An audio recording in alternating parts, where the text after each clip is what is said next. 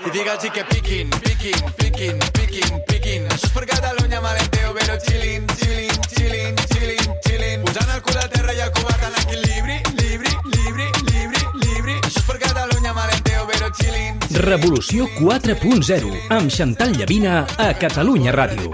Com serà la Catalunya del 2030? Dissabtes a l'app i web i diumenges de 10 a 11 de la nit. Baby, no es mola el jaleo.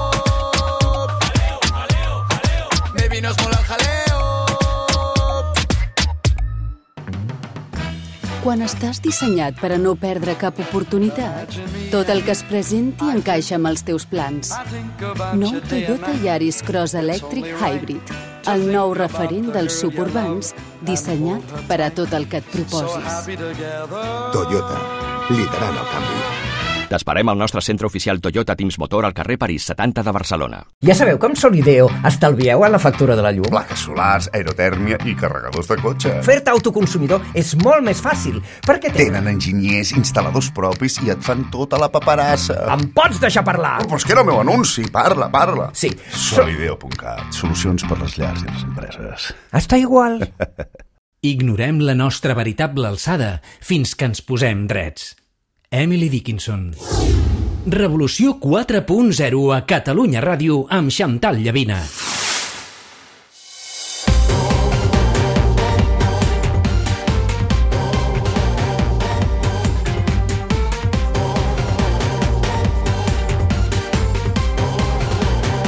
Masterclass Becerra amb Santiago Niño Becerra. Fa uns dies vam conèixer l'aposta del gegant Cisco per Barcelona per fer-hi un centre de disseny de xips. També hem sabut que els bitcoins s'ensorren i han atrapat molta gent i que les previsions econòmiques de la Comissió Europea són bastant dramàtiques. Notícies bones i dolentes que ens demostren que vivim temps molt i molt convulsos. Bring that ass back like a boom.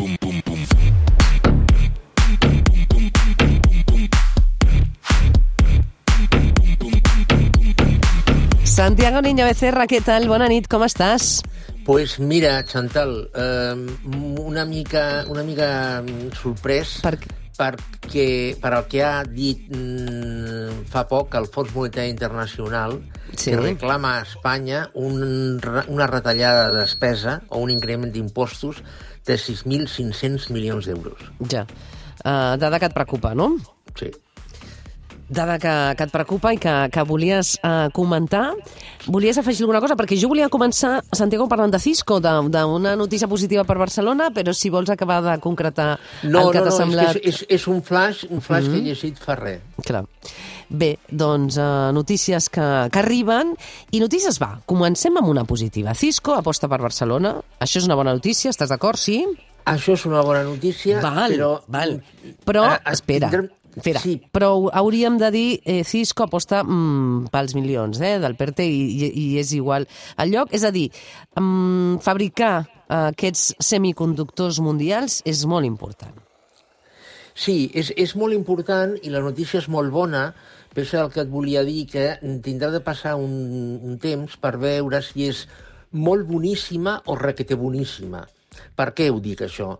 Perquè sí que és veritat que aquesta, a, a, aquesta inversió mm, Cisco la farà, però haurà que veure si eh, tots els professionals que contractarà seran espanyols o, o, o hi haurà de fora, eh, quin, quin impacte té sobre la indústria auxiliar eh, és, eh, catalana o bé eh, tot serà importat.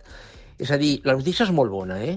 Però s'ha s'ha de, ha de passar una mica de temps per veure el nivell de, de, de, de, de, de bo que té aquesta notícia.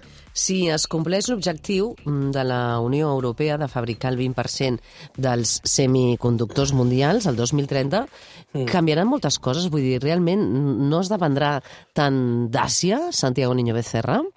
Mm, bueno, no, el, el, que passa, el que passa és que, a veure, Chantal, el 20% és el 20%. Mm, A veure, eh, és a dir, eh, la dependència eh, es reduirà. El que passa és que pensa, per exemple, que els xips d'ultimíssima tecnologia, perquè, perquè dins dels xips hi ha, hi ha nivells, no? Però els xips que són el, el Nova Mas del Nova Mas, eh, Taiwan fabrica el 65% d'aquests xips. Uh -huh. Eh, és a dir, arribar, arribar a, a no dependre és que és molt complicat. El que passa és que jo, jo crec que la dependència, és a dir, mm, si està pactada eh, i si hi ha eh, intercanvi eh, i si hi ha col·laboració i si hi ha pau i totes aquestes coses, vull dir, no és dolenta, perquè eh, estem en un món que és totalment... Estem, és global, el món. Llavors, bueno, és a dir, Taiwan fabrica el 65% d'aquests xips, bueno, pues, doncs perfecte. Eh, mira, pues no sé, pues, eh, Taiwan no fabrica aigua Perrier i, i França li, li, li, li ven aigua Perrier. És que no, no sé, és a dir, no, no és que sigui intrínsecament dolent, el, el que és dolent és quan les coses s'estorcen. Clar.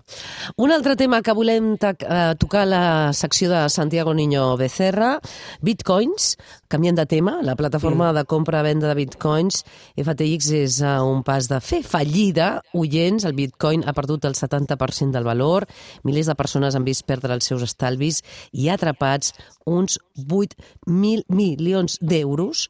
Tu sempre ja has dit, eh, quan hem parlat de bitcoins, que no era una bona inversió, oi? No, no, no, no jo no he dit això. Eh, eh, Chantal, jo, jo el que he dit és que si una persona... O sigui, per invertir en bitcoins... Que no era segura, que no era segura. Bueno, que no era segura, mm -hmm. sí, però si la persona li sobra... Una persona X, li sobren X diners, eh, no té por de perdre'ls i no els necessitarà en, en almenys 3 anys, home, que comprar bitcoins està bé.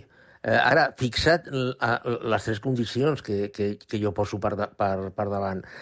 Eh, de tota manera, amb, amb aquesta història de la caiguda de preus del bitcoins, ojo amb això perquè hi ha diversos experts que diuen que això pot estar, entre cometes, provocat.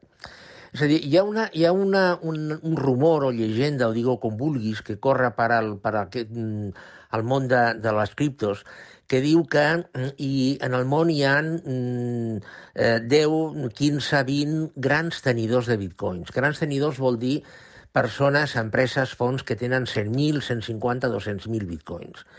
Llavors, mm, eh, si això és cert, eh, aquesta davallada del bitcoin pot haver sigut provocada. És a dir, algú que té molts bitcoins o alguns que tenen molts bitcoins venen una part, el preu baixa i quan baixa tornen a comprar Clar. Eh, eh, més eh, i, i evidentment a un preu més baix i després el, el preu puja. Clar. És a dir, mm, sí, sí. l'impacte d'això ho veurem d'aquí uns, uns dies. A més, ha coincidit aquesta setmana eh, que hem conegut la mort, mort l'acusat d'estafa de criptomonedes sí. més gran a Espanya en caure d'un cinquè pis. Javier Biosca sí. va sortir de la presó fa tres setmanes mm. després que algú pagués el milió d'euros de fiança i les víctimes reclamen que s'investigui si ha estat o no un suïcidi. Bé, uh, aquest tema de les criptomonedes, el que ha passat també és doncs, que un producte revolucionari que la gent hi inverteix, no? Mm. s'enganxa els dits i, uh, i ha patat, no? Bueno, en aquest sentit. Bueno, a, a veure, Chantal, s'enganxa els dits o no, o, o no. És a dir, jo conec una persona que va comprar quan estava a 5.000 dòlars i va vendre quan estava a 60.000. Uh -huh. mm, a veure, s'enganxa els dits o no. Clar. En aquesta persona eh, que, que, que parlàvem de la seva malauradament mort, doncs estava acusat d'estafar uns 500 milions d'euros sí.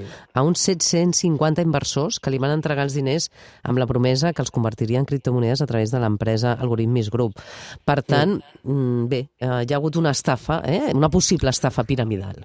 Sí, sí, aquest és el problema. És a dir, jo ja, ja torno eh, mm, eh, torno a dir o torno a recordar les tres condicions que jo poso per davant per invertir en criptos.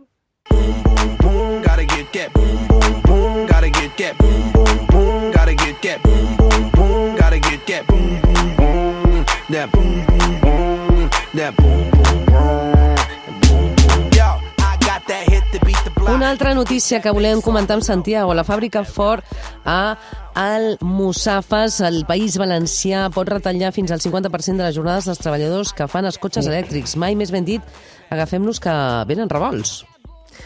Sí, la, la, a veure, hi ha, i amb, amb, el, amb el tema del en el món de l'automòbil s'està produint una revolució que va molt més enllà de si l'automòbil del demà serà eh, elèctric o no elèctric. Eh, és a dir, I tot passa per, per un tema que mm, es comenta poc o res.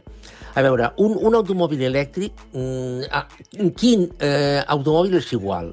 Però un automòbil elèctric té eh, de mitja el 30% menys de peces uh -huh. que un automòbil amb motor de benzina. Uh -huh. Per exemple, no té canvi de marxes, vull dir, etc etc. Això per una banda. Eh, I en segon lloc, mm, i per aquesta raó, necessita molta, moltes menys hores de feina.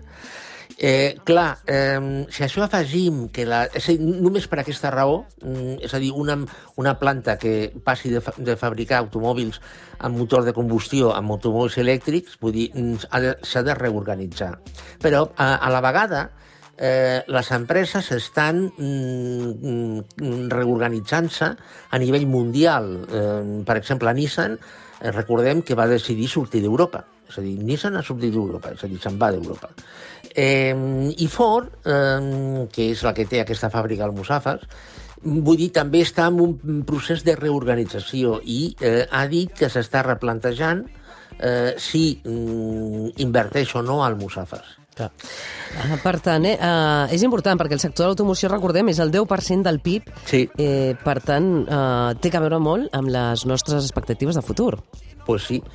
Sí, perquè, és a dir, Espanya té, té en, en relació a l'automòbil té, un, té un problema. És a dir, és el 10% del PIB, com tu has dit, Chantal, però té, hi ha 18 plantes de, ensamblatge d'automòbils a Espanya, però no hi ha cap centre de decisió. És a dir, totes les empreses són estrangeres. És a dir, que una empresa decideix tancar aquí i adeu. Clar.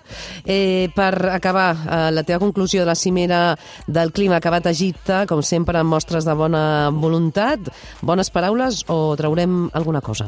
Bueno, mm, ha, ha quedat clar que mm, amb diners eh, s'arregla, entre cometes, tot.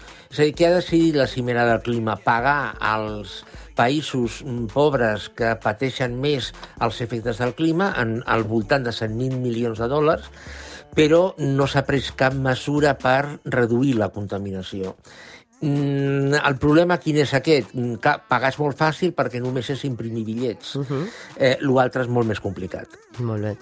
Doncs, com sempre, un plaer parlar amb Santiago Niño Becerra, escoltar també el seu punt de vista de moltes notícies d'actualitat. Abraçada forta, Santiago. Va, gràcies, Chantal. Bona nit.